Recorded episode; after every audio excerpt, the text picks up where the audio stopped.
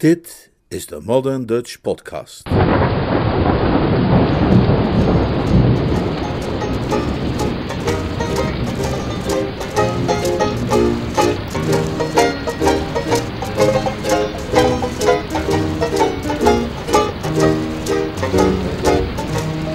Noodweer op kasteel Blandings. Een roman van P.G. Woodhouse, Summer Lightning, vertaald en voorgelezen door Leonard Beuk. Hoofdstuk 1, deel 2. Lord Emsworth is de even verstrooide als aimabele bewoner van kasteel Blandings. Zijn secretaris, Hugo Carmody, is verliefd op Lord Emsworth's nichtje Millicent, maar de vrouw des huizes, Lady Constance, Lord Emsworth's zuster, is erg tegen op een eventuele verbintenis tussen hen. Waar ze ook erg op tegen is, is het feit dat haar andere broer, Galahad, die vroeger een berucht boemelaar was, zijn memoires aan het schrijven is vol roddels over iedereen die er een beetje toe doet. We pikken het verhaal op waar dit hele gezelschap thee zit te drinken op het gazon. Thee? Millicent greep een kopje. Suiker en melk, om Gally? Hij weerhield haar met een gebaar van verontwaardigde afkeer. Je weet dat ik dat spul nooit drink. Ben veel te zuinig op mijn gestel. Je gaat me toch niet vertellen dat jij je corpus verderft met dat vergif? Sorry, oom Gally, ik vind het lekker. Nou, wees maar voorzichtig, waarschuwde jonker Galahad, die erg op zijn nicht gesteld was en hij graag behoeden wilde voor slechte gewoontes. Je kunt maar beter goed uitkijken met dat spulletje. Heb ik je ooit verteld wat er met Buffy Struggles gebeurd is in 93? Een of andere onnozelaar had die arme Buffy een keer meegesleept naar zo'n lezing van de Blauwe Knoop, met lichtbeelden.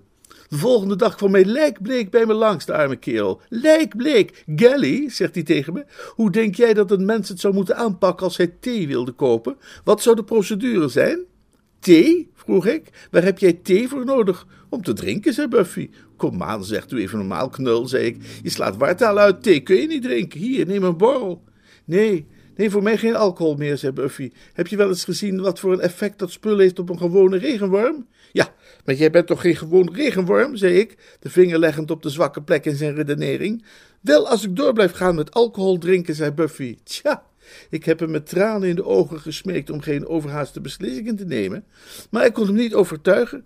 Hij heeft tien pond van het goedje ingeslagen en binnen een jaar was hij dood. Lieve hemel, echt waar?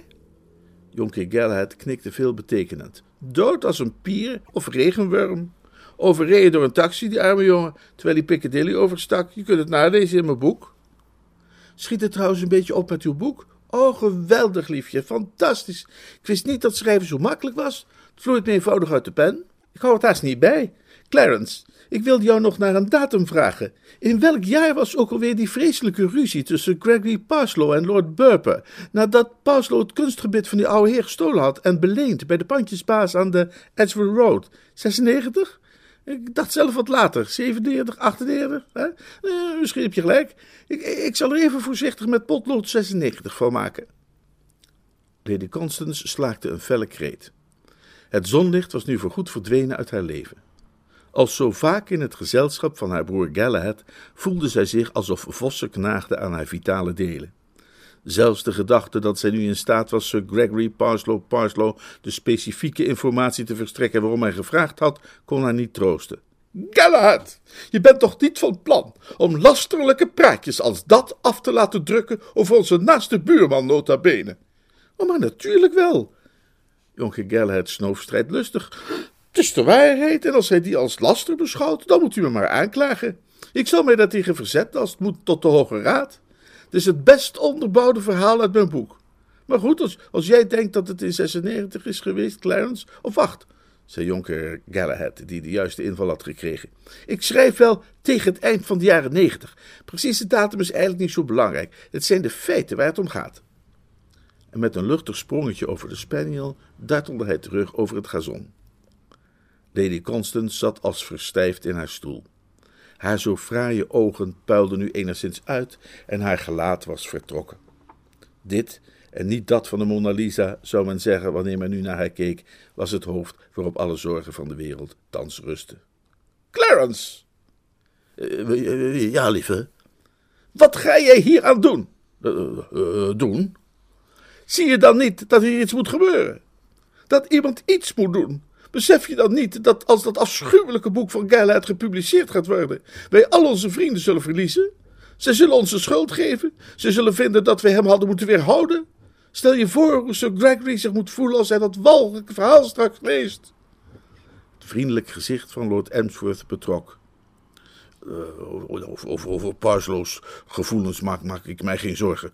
Bovendien heeft hij de valse tanden van Burper ook echt gestolen. Uh, ik weet nog dat hij ze me liet zien. Hij, had ze in een uh, sigarendoos met watten gedaan.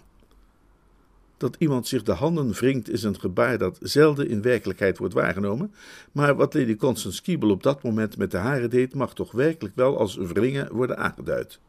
Och, was Mr. Baxter nu toch maar hier, kreunde ze. Lord Emsworth schrok zo van die opmerking dat zijn lorgnon van zijn neus gleed en hij een pak kruidkoek uit zijn handen liet vallen. Waar, waarom zou jij in vredesnaam die vreselijke vent hier willen hebben? Mr. Baxter zou wel een oplossing hebben geweten voor deze gruwelijke situatie. Hij was altijd zo competent. Die Baxter, die, die, die, die was niet goed slik. Lady Constance slaakte een felle kreet van verontwaardiging. Clarence, wat kun je toch ongelooflijk irritant zijn. Als je eenmaal een idee in je hoofd hebt, dan, dan, dan ben je daar ook met geen mogelijkheid meer van af te brengen. Wat andere mensen ook zeggen. Mr. Baxter was de meest competente man die ik ooit heb ontmoet. Comp competent. Een lompe vent, zul je bedoelen? Antwoordde Lord Emsworth heftig. Die, die, die kerel gooide, gooide midden in de nacht bloempotten naar mijn hoofd. Ik, werd wakker in, de kleine uurtjes en, en de bloempotten stroomden eenvoudig naar binnen door mijn slaapkamerraam. Ik keek naar buiten en, en er stond daar die halve rare Baxter op het terras in een citroengele pyjama die vervloekte dingen in mijn richting te smijten alsof hij een granaatwerper bediende of iets in die geest. Die man moet volgens mij al, al, al lang in een gesticht zitten opgesloten. Lady Constance was felrood aangelopen. Zelfs in hun vroegste kindertijd had zij zich nooit zo vijandig gevoeld tegenover het hoofd van haar familie als op dit moment. Jij weet heel goed, Clarence, dat daar een volkomen logische en eenvoudige verklaring voor was. Mijn diamanten halssnoer was gestolen en Mr. Baxter dacht dat de dief die verborgen had in een van die bloempotten. Hij ging de juwelen zoeken, raakte per ongeluk buitengesloten en wilde toen de aandacht trekken door... Nou, nou, ik, ik blijf erbij dat die, dat die man zo, zo, zo gek was als, als een deur. Hè? En, en Galahad huldigt dezelfde opvatting in zijn boek. In zijn... Uh, uh, maar heeft dat verhaal toch zeker niet in zijn boek opgenomen? Ja, natuurlijk, natuurlijk heeft Galahad dat, dat in zijn boek opgenomen. Dat dacht je dat hij zo'n zo schitterend materiaal zomaar liet liggen. Hè? En, en, zoals ik zeg, Galahad, die, die toch een nuchter, helder denkend man is, koestert net als ik de overtuiging dat die, dat die Baxter een zwaar gestoorde idioot was. En, en, en dan ga ik nu maar weer eens even een kijkje nemen bij de keizerin. Al dus kuierde hij varkenwaarts. Enkele momenten nadat hij vertrokken was, heerste er stilte rond de theetafel. Millicent leunde achterover in haar stoel. Lady Constance zat stijf rechtop in de haren. Een mild briesje dat de geur aanvoerde van de violieren vormde de eerste voorzichtige aankondiging van de naderende avondkoelte. Waarom bent u er zo op gesteld dat Mr. Baxter zou terugkeren, tante Constance? vroeg Millicent. Lady Constance zag kans weer te ontspannen. Ze zag eruit als zij vertrouwde, beheerste zelf, helemaal de vrouw die zojuist een lastig probleem heeft opgelost. Ik vind zijn aanwezigheid hier van essentieel belang. Dat lijkt oom Clarence niet met u eens te zijn. Jouw oom Clarence is altijd al volkomen blind geweest voor zijn eigen belangen. Hij had de enige capabele secretaris die hij ooit heeft gehad nooit mogen ontslaan. Is Mr. Carmody niet goed dan? Nee, volstrekt niet. Ik zal nooit meer helemaal gerust kunnen zijn zolang Mr. Baxter niet in zijn oude functies herstelt. Nou, wat is er dan mis met Mr. Carmody? Hij is volslagen incompetent. En bovendien, zei Lady Constance, haar stille reserves in stelling brengend, bovendien vind ik dat hij veel te veel tijd verknoeit met achter jou aan te lopen, liefje. Hij lijkt te denken dat hij uitsluitend tot alleen hier op Blandings is om jou te plezieren. Die beschuldiging leek Millicent niet terecht. Ze wilde erop wijzen dat Hugo en zij elkaar maar een paar keer hadden gezien, en dat nog stiekem ook, maar ze bedacht dat het misschien niet slim was om daarover uit te wijden. Ze boog zich over de spaniel. Een scherp waarnemer zou een zekere defensiviteit in haar houding hebben kunnen opmerken. Ze zag eruit als een meisje dat zich erop voorbereidde de degens te kruisen met een tante. Vind je een plezierig gezelschap? Millicent geelde. Mr. Carmody? Nou, nee, niet speciaal. Mij lijkt het toch al een saaie knul. Dodelijk saai, ja. Vervelend. Oervervelend. Maar toch ben je dinsdag met hem gaan paardrijden. Alles beter dan alleen paardrijden. En je tennist ook met hem. Nou ja, het is natuurlijk echt lastig om in je eentje tennis te spelen. Lady Constance fronste. Ik wilde dat Ronald je oom nooit had weten over te halen die man in dienst te nemen. Clarence had toch meteen kunnen zien dat het een onmogelijke kerel is. Ze zweeg even. Het zou leuk zijn als Ronald hier is, zei ze. Nou, je moet maar proberen een beetje regelmatig met hem om te gaan. Althans, zei Lady Constance op een toon die veel van de mensen om haar heen scheller in de oren klonk dan sommige andere tonen die ze ook kon laten horen. Wanneer Mr. Carmody je zo nu en dan even kan missen. Ze keek haar nichtje strak aan, maar Millicent was al sinds haar zestiende verjaardag gewend aan zulke strakke blikken. Bovendien was zij een meisje dat geloofde in de aanval als de beste vorm van verdediging.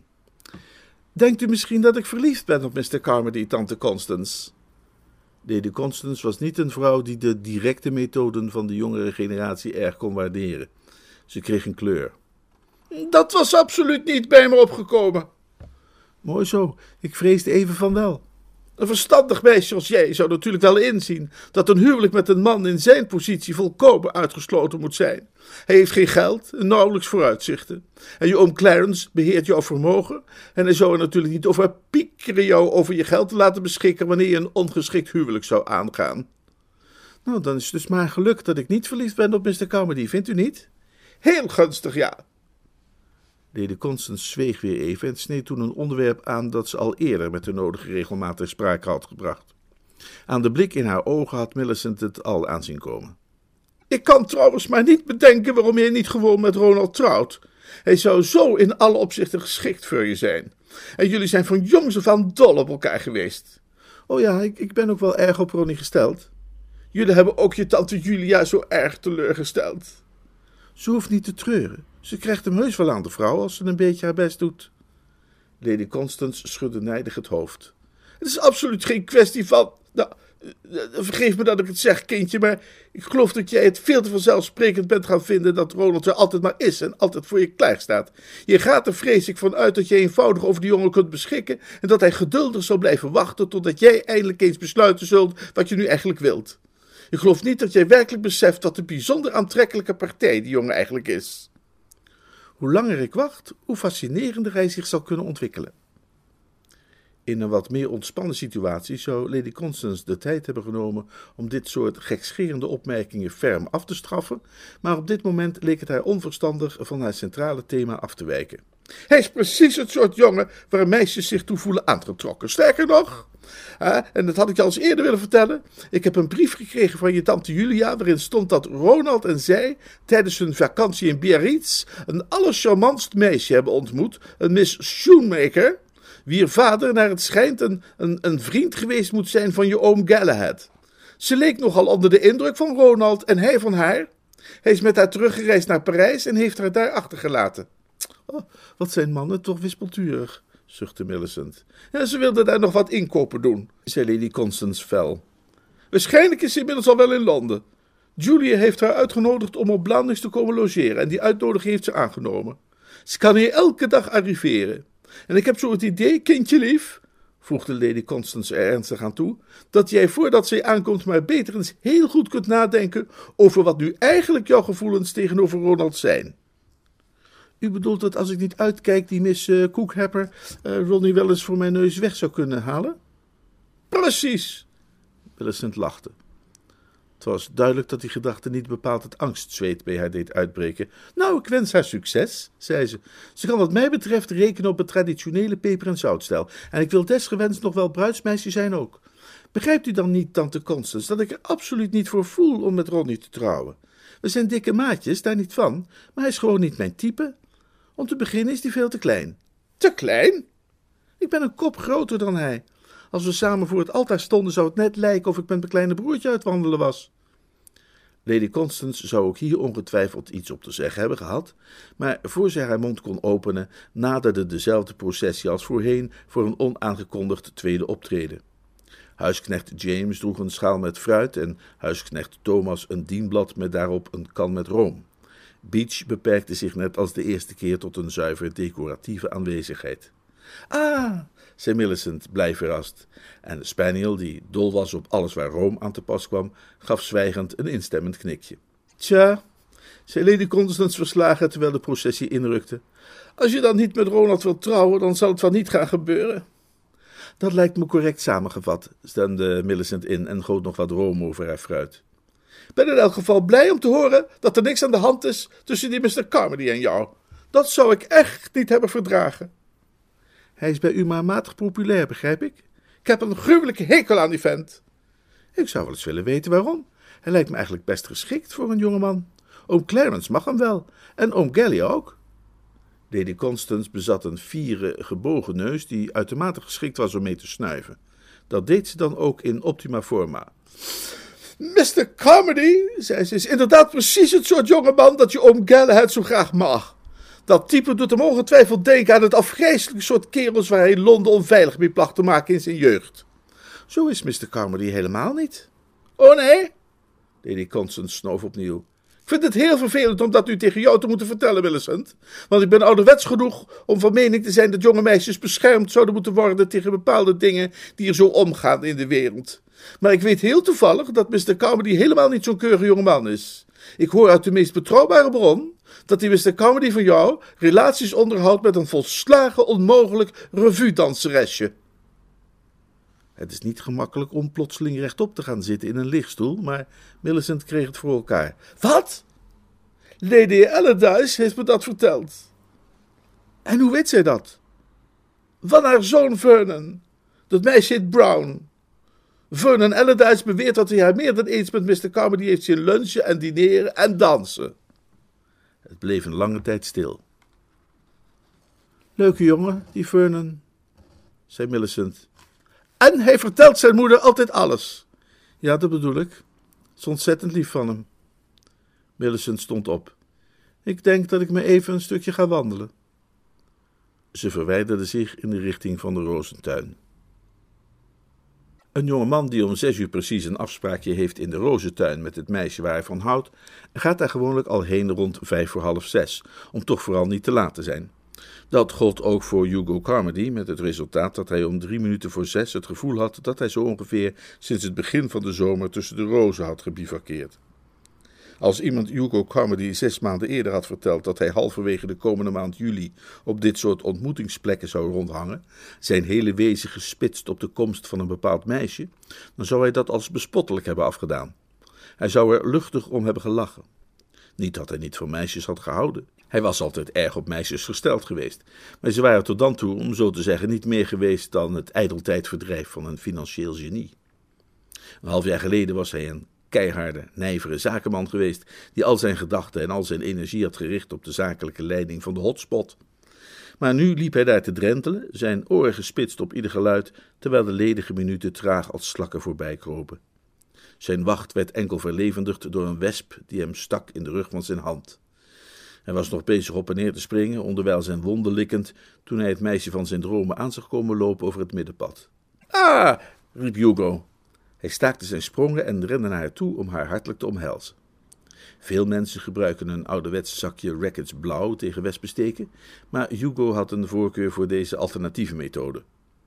Tot zijn verbazing trok zij zich van hem terug, terwijl ze toch een meisje was dat zich bij dit soort gelegenheden gewoonlijk niet onbetuigd liet. Wat is er? vroeg hij ontdaan. Het was alsof iemand hem op dit gewijd moment beentje had gelicht. Niets. Hugo maakte zich zorgen. De manier waarop ze naar hem keek beviel hem niets. Haar zachte blauwe ogen leken wel in steen veranderd. Zeg, zei hij, ik werd me daarnet toch gestoken door een knots van een wesp. Mooi zo, zei Millicent. De manier waarop ze tegen hem sprak beviel hem nog minder dan de manier waarop ze naar hem keek. Hugo maakte zich nog veel meer zorgen. Maar Millicent, wat is er aan de hand? Haar granieten blik verhardde zich verder. Jij wilt weten wat er aan de hand is? Ja, wat is er aan de hand? Nou, dat zal ik je vertellen wat er aan de hand is. Nou, wat dan? Hij wachtte op de beloofde toelichting, maar er volgde uitsluitend een ijskoude stilte. Zeg, luister eens, zei Hugo, dan maar zelf die stilte verbrekend. Ik krijg eerlijk gezegd wel een beetje genoeg van al die geheimhouding en dat stiekeme gedoe. Ik krijg je nauwelijks een paar minuten te zien op een dag. En dan moet ik dan nog voor de, door de bosjes sluipen met, met, met pruik op en een valse snor. Ik weet dat zij van Kiebel mij beschouwt als een soort kruising tussen een lepraleider en een boeket giftige nachtschade. Maar bij de heerdershuizen sta ik er intussen goed op. Ik praat met hem over varkens. Ik weet hem te bespelen als een welgestemde viool. Dus wat kan er misgaan als ik hem open en eerlijk vertel dat jij en ik van elkaar houden en dat we van plan zijn te gaan trouwen? Millicent's koelmarmeren trekken werden een ogenblik bewogen door een korte, venijnige, bittere glimlach waar niemand enig plezier aan kon beleven. Waarom zouden wij tegen oom Clarence liegen? Hè? Ik vroeg me af waarom we iets tegen hem zouden vertellen dat niet waar is. Ik snap niet waar je heen wilt. Nou, dan zal ik er wat richtingwijzertjes bij zetten, antwoordde Millicent ijzig. Ik weet niet zeker of ik ooit nog met jou zou willen spreken, in deze wereld of zelfs die hierna. Het zal ervan afhangen hoe goed jij bent in dingen uitleggen. Ik heb uit absoluut valabele bron vernomen dat jij betrekkingen onderhoudt met een revue-meisje. Hoe zit dat? Het duizelde Hugo, maar ja, de heilige Antonius zelf zou het geduizeld hebben als een dergelijke beschuldiging zomaar vanuit het niets op hem werd afgevuurd. Zelfs de meest betrouwbare mannen hebben bij dat soort gelegenheden even tijd nodig voor een snelle gewetenscontrole. Maar hij was al snel weer zichzelf. Dat is gelogen. En ze heet Brown? Daar is niks van waar. Ik, ik heb sinds ik jou ontmoet Sue Brown niet één keer meer gezien. Nee, want je bent de hele tijd hier geweest. En toen ik haar nog wel eens zag, tja, goh, toen heb ik mij tegenover haar altijd, altijd keurig netjes gedragen. Volkomen onschuldig. Meer als een broer dan als wat anders. Een gezonde vriendschap, hè? als broer en zus eigenlijk, verder niks. Ik hou van dansen, zij houdt van dansen. We doen het samen goed op de dansvloer. En daarom gingen we af en toe samen uit om te dansen, weet je wel. Dat was alles, echt, echt helemaal broer en zus, verder niks. Ik voelde me een soort broer. Ja, ja, een broer. Helemaal ja, een broer. En, wees nou toch af en toe niet zo onnozel, voegde Hugo er met veel nadruk aan toe. Lieve Millicent, om te denken dat Sue Brown een soort van fataal is. Ze is een van de aardigste, een van de leukste meisjes die je je kunt voorstellen. Een leuk meisje dus wel. Ja, in de zin van aardig, hè? sympathiek. Een meisje uit duizenden. Echt een goed kind. Gewoon een tof type. En mooi ook zeker.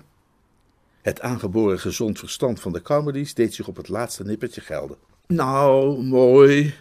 Nee, zei Hugo op besliste toon. Nee, nee, nee, mooi dat niet. Helemaal niet. Verre van. Geen, geen greintje seksappeal heeft ze, het arme kind, als je dat bedoelt. Maar wel aardig dus, hè? Sympathiek, een goed kind. Eentje die deugt. Als een zus dus, zeg maar. Millicent dacht na. Hm, zei ze. De natuur zweeg stil en luisterde. De vogels staakten hun gezang, de insecten hun gezoem, het was alsof alom het besef bestond dat het lot van deze jonge man bepaald ging worden en dat de bijl elk moment kon vallen. Tja, nou, vooruit dan maar, zei ze tenslotte. Ik zal dat dan wel moeten geloven.